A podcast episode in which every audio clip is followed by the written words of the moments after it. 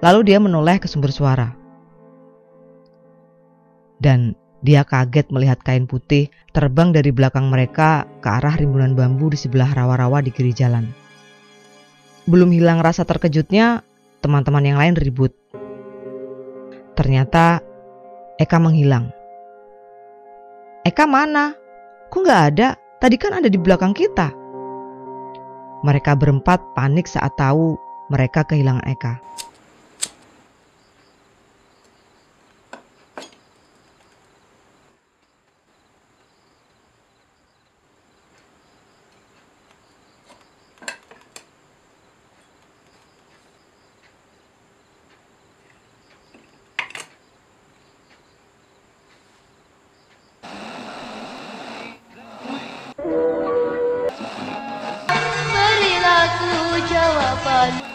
Selamat datang di podcast Kopi Hitam.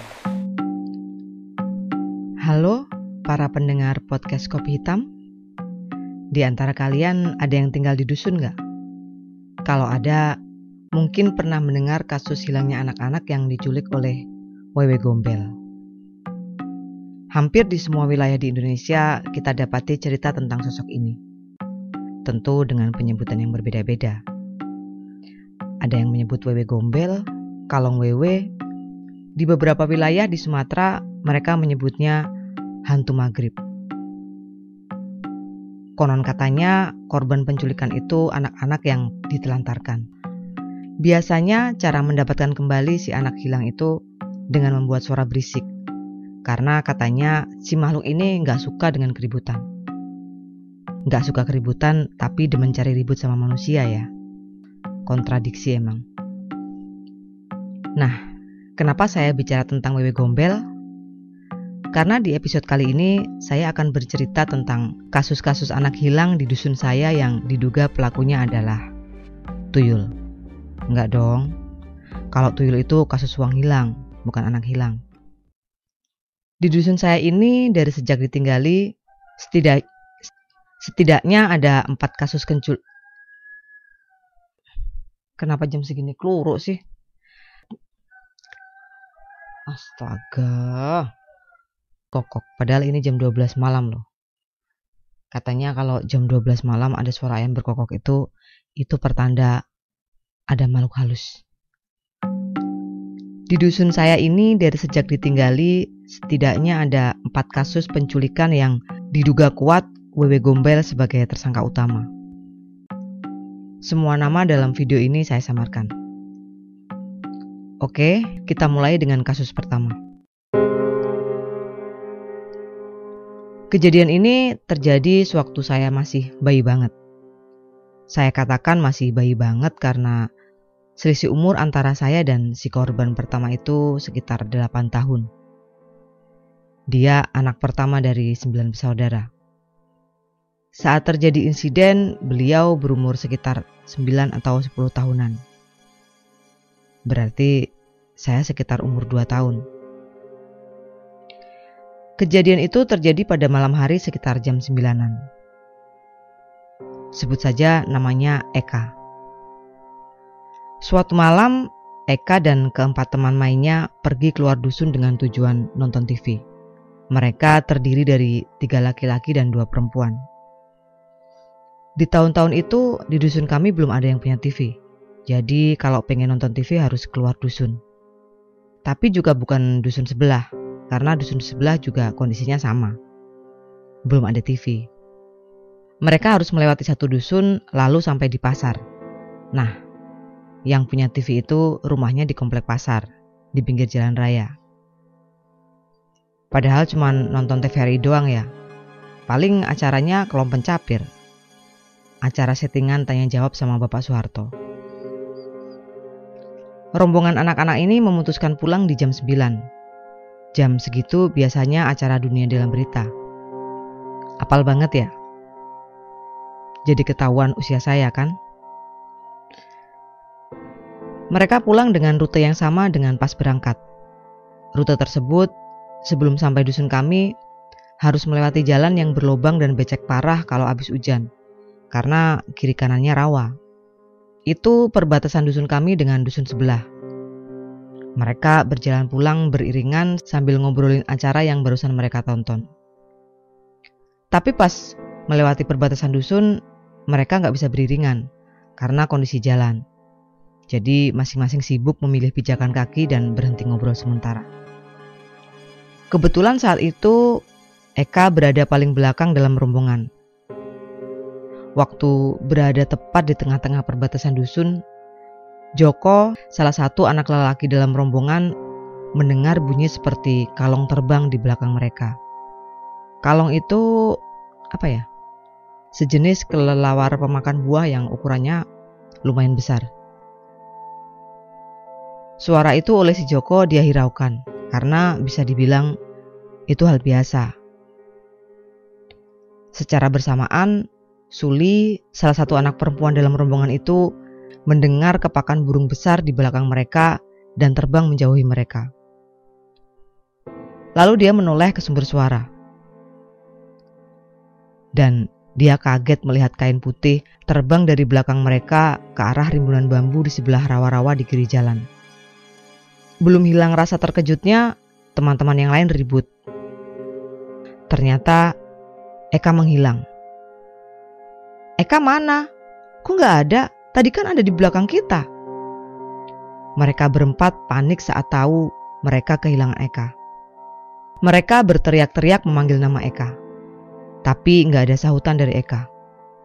Yang ada justru warga kampung yang berdatangan mendengar teriakan keempat anak tersebut. Semalaman warga dusun mencari Eka sambil membunyikan apa saja. Ada yang membawa kentongan, ada yang memukul-mukul panci, ember, dan sebagainya sambil memanggil-manggil nama Eka. Tapi sampai tengah malam belum ada tanda-tanda Eka ditemukan. Kedua orang tua Eka panik bukan main. Karena tak juga ditemukan, beberapa warga memutuskan pulang. Saat beberapa warga yang tersisa sedang beristirahat di gardu, dari arah ujung selatan dusun ada yang berteriak mengabarkan bahwa Eka sudah ditemukan. Jadi malam itu di bagian ujung selatan dusun, Bu Rusmi sedang sendirian di rumah karena suaminya ikut dalam misi pencarian Eka. Pasangan ini belum memiliki anak. Malam itu, Bu Rusmi tidak bisa tidur karena cemas menunggu suaminya pulang. Bu Rusmi menyibukkan diri dengan menisik celana suaminya. Tiba-tiba dari arah kandang sapi di belakang rumah mereka terdengar suara seperti kepakan burung besar. Bu Rusmi sempat kaget tapi lalu kembali asik dengan jarum dan benang. Setelah itu, lama-lama terdengar isakan tangis dari arah belakang rumah. Bu Rusmi sempat ketakutan. Dia pikir itu suara hantu. Tapi dia juga penasaran. Jangan-jangan memang ada orang menangis. Lalu dia tersentak bangun dari duduknya waktu ingat Eka. Pikirannya langsung berpikir logis. Jangan-jangan itu Eka. Bersamaan dengan itu, suaminya pulang. Segera dia ajak suaminya mengecek ke belakang rumah. Berbekal obor, keduanya berjalan ke belakang rumah, menyisir kandang sapi. Suara isakan itu semakin jelas. Mata kedua pasangan suami istri itu mengitari area kebun.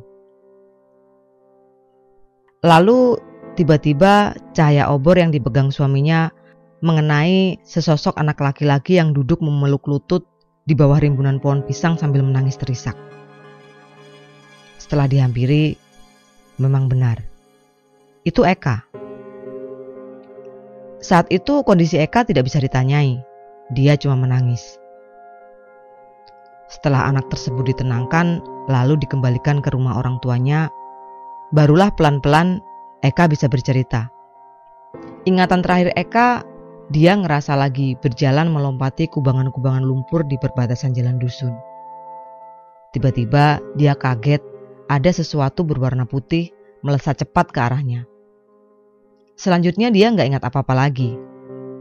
Begitu tersadar, dia berada di tempat yang gelap dan asing sendirian.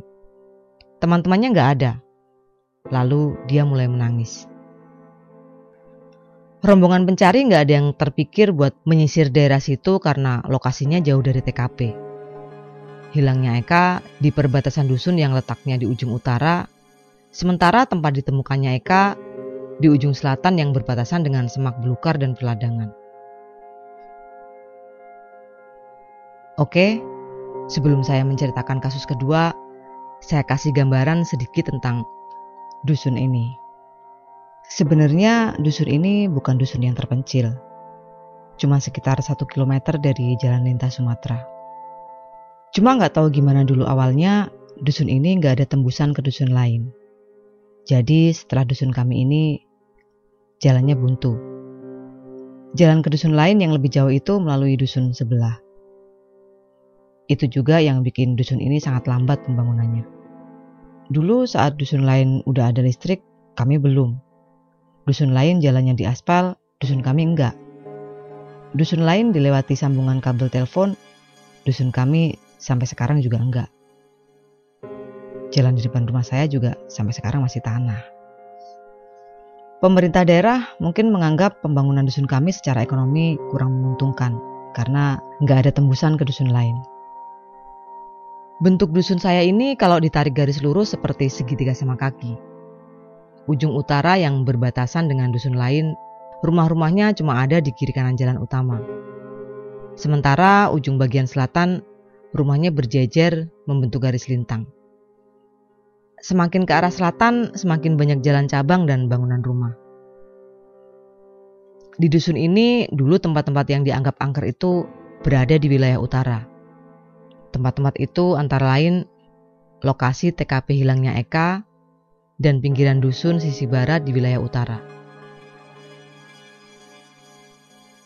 Di situ ada rumpun bambu yang sangat lebat. Nanti kasus kedua sampai keempat yang akan saya ceritakan, semua TKP ada di lokasi ini. Sekarang lanjut kasus kedua. Kejadian ini terjadi beberapa tahun setelah kasus Eka. Kebetulan si korban juga semuran dengan Eka. Tapi saat kejadian mereka sudah remaja. Namanya Eni. Eni menikah di usia belia. Saat Eni hamil anak pertama, karena ingin mandiri, pasutri muda ini memutuskan membuat rumah sendiri di pinggiran dusun sisi barat. Saat itu sudah ada tiga rumah yang didirikan di situ. Rumah-rumah itu dibangun di antara rimbunan rumpun bambu. Rumah-rumahnya juga masih sederhana, berdinding anyaman bambu dan beratap kulit. Pada suatu malam, Eni berniat ke sumur buat buang air kecil. Maklumlah, dia hamil tua. Yang pernah hamil tua pasti tahu rasanya. Selang setengah jam, suaminya merasa ada yang salah. Kenapa istrinya nggak balik-balik ke rumah? Padahal sumurnya cuma di belakang rumah mereka. Lalu suaminya mengambil obor dan menyusul Eni ke sumur. Ternyata di sana nggak ada siapa-siapa. Dia panggil-panggil istrinya, tetap nggak ada sahutan. Paniklah suaminya. Lalu dia pergi mencari bantuan tetangga buat mencari istrinya. Semalaman hampir seluruh lelaki dusun keluar buat mencari Eni sambil membunyikan perkakas rumah tangga. Semua tempat disisir termasuk tempat dulu ditemukannya Eka. Tapi hasilnya nihil. Keesokan harinya, Eni ditemukan salah satu warga yang hendak ke ladang berada di bawah rumpun bambu dengan posisi duduk selonjor membelakangi jalan setapak yang biasa dilewati warga. Padahal tempat itu malamnya sudah disisir beberapa kali. Saat ditemukan, Eni dalam kondisi linglung, tidak bisa ditanyai pandangannya kosong. Siangnya baru dia bisa diajak bicara, dan cerita yang keluar mirip dengan apa yang dialami Eka. Sekarang kasus ketiga. Kejadian ketiga ini saya masih ingat samar-samar. Saat itu usia saya sekitar 10 tahunan. Korbannya kakak beradik Rumahnya ada di samping rumah Eni. Si kakak sebut saja Amat. Umurnya lebih tua dari saya. Si adik sebut saja Murni, seusia adik saya. Kakak beradik ini tidak bersekolah. Kebetulan setiap pulang sekolah, saya melewati jalan setapak di depan rumah mereka. Kedua kakak beradik ini nggak bersekolah karena ada alasannya. Si Ahmad ini tidak bisa menangkap pelajaran. Kemampuan otaknya agak di bawah rata-rata. Tapi bukan Down syndrome. Sementara adiknya sebenarnya normal. Tapi dia juga tidak bersekolah karena harus menemani kakaknya di rumah. Kedua orang tua mereka termasuk petani yang ulet yang berangkat pagi pulang petang. Jadi sehari-hari mereka cuma berdua di rumah. Suatu malam, kedua orang tuanya mengaku kehilangan kedua anak ini. Mereka pikir anak-anaknya cuma main seperti biasa dan pasti pulang. Tapi ditunggu sampai hampir waktu isya, kedua anaknya nggak pulang juga. Dusun kembali geger. Panci dan penggorengan kembali jadi korban dipukuli warga. Dan seperti dugaan, mereka nggak ditemukan bahkan sampai besok dan besoknya lagi. Warga mulai resah, apalagi kedua orang tuanya. Di hari ketiga, ada orang asing yang datang ke dusun kami mengantarkan kedua anak tersebut. Menurut orang tersebut, kedua anak ini ia temukan di daerah sebut saja Kalisari yang jaraknya sekitar 30 km dari dusun kami. Mereka ditemukan dalam kondisi linglung. Tapi berbeda dengan dua kasus sebelumnya, selang sehari ketika ditanya lagi, si Ahmad bercerita bahwa mereka diajak jalan-jalan ke tempat-tempat yang indah oleh seorang perempuan cantik berbaju mewah. Mereka juga dijamu dengan makanan yang enak-enak. Lalu mereka diantarkan ke lokasi di mana mereka ditemukan. Sekarang kasus terakhir. Kasus terakhir ini saya nggak punya banyak informasi karena saat itu saya udah remaja, masa-masa nggak peduli dengan lingkungan sekitar dan sibuk dengan pencarian jati diri. Korbannya sebut saja namanya Tony, anak Pak Rusli. Usianya sekitar 11 tahun. Ini informasinya sangat minim ya. Yang saya tahu Lokasi hilangnya juga masih di tempat yang sama dengan kasus kedua dan ketiga. Setelah terjadi kasus keempat, rumah-rumah di perbatasan sisi barat itu akhirnya dikosongkan. Bahkan salah satu rumah yang bangunannya sudah semi permanen juga dirubuhkan. Banyak cerita warga yang mengatakan bahwa mereka melihat makhluk besar tinggi berbulu dan bermata merah di tempat ini. Seperti kisah sebut saja namanya Pak Misno.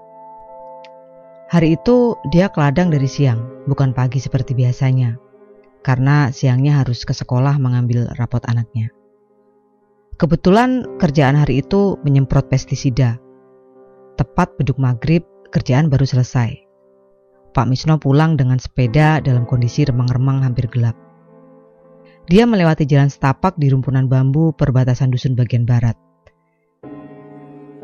Saat itu, ketiga rumah sudah ditinggalkan. Tinggal tersisa satu rumah yang semi permanen. Tapi pintunya selalu tertutup setelah maghrib. Di bawah rumpun bambu, di samping bekas rumah kakak beradik Ahmad dan Murni, Pak Lasno melihat segundukan besar benda asing yang berbulu dan ada dua cahaya merah di tengahnya. Karena sangat kaget, sepedanya oleng. Dia segera mengencut sepedanya lebih kencang menabrak apa saja di sepanjang jalan setapak. Tapi dia masih penasaran. Lalu dia kembali menengok ke belakang. Gundukan besar itu sudah berdiri di tengah jalan setapak dengan tinggi hampir 3 meter. Ada juga kisah dari Bu Neno, penghuni rumah semi permanen yang pindah terakhir kali. Dua hari sebelum kejadian hilangnya Tony, ini hubungannya dengan kasus yang terakhir. Sekitar jam 8 malam, dia bermaksud ke warung buat belanja. Biasanya dia lewat belakang rumah yang tembus ke jalan utama. Tapi harus melewati rumpun-rumpun bambu yang sangat lebat. Nah, pas pulang melewati rumpun bambu tersebut, tepat di bawah pokok-pokok bambu, dia melihat makhluk yang dia sebut sebagai wewe gombel. Menurut ceritanya, Rambutnya panjang, berbulu dan memiliki payudara yang besar Dinar Kendi lewat. Karena warga tidak ingin ada kejadian anak hilang lagi, satu persatu rumah-rumah di situ ditinggalkan. Lalu daerah tersebut kembali jadi lahan perladangan.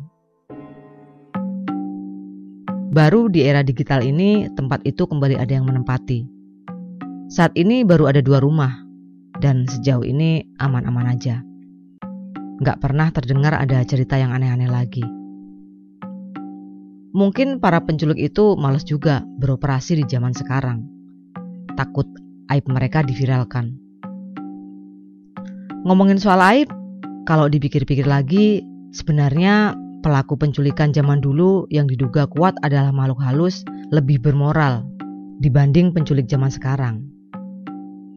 Kalau makhluk halus menculik orang mungkin cuma buat senang-senang ya, main-main. Mungkin aja itu cara mereka bercanda. Habis itu dibalikin lagi. Tapi kalau zaman sekarang, ngeri bro. Human trafficking, penjualan organ, mutilasi, minimal minta tebusan. Serem. Saking seremnya, setan aja segan. Sekarang kita bahas soal konon katanya Kalong Wewe menculik anak-anak yang terlantar. Dalam kasus pertama, sepertinya benar. Karena saat itu korban punya adik-adik yang jaraknya cuma 2 tahun 2 tahun. Pasti orang tua mereka repot mengurus anak-anaknya. Dan secara nggak sengaja, si Eka ini terlantar. Gimana dengan kasus kedua? Korban bukan anak-anak, dan dia juga terbilang nggak terlantar sih. Jadi sepertinya kabar itu masih diragukan. Untuk kasus ketiga, kakak beradik ini memang terlantar. Kasus keempat kayaknya juga benar, meskipun saya minim informasi soal ini. Jadi di antara empat kasus ini, yang bukan anak-anak terlantar ya cuma kasus kedua. Jadi buat kalian para orang tua, Sebaiknya rawat baik-baik anak kalian biar nggak diincar sama hi. Udah lah ya, udah kelamaan ngobrol nggak penting nih. Emang biasanya penting. Oke, cukup sekian cerita kali ini. Terima kasih sudah mendengarkan sampai selesai. Oh iya, bagi kalian yang ingin ceritanya saya bacakan, silahkan kirim kisah kalian ke email sarimarlina33gmail.com atau DM saya di Instagram podcast kopi hitam. Saya tunggu ya. Jangan lupa subscribe, share, komen, nyalakan notifikasi, dan sampai jumpa di cerita selanjutnya.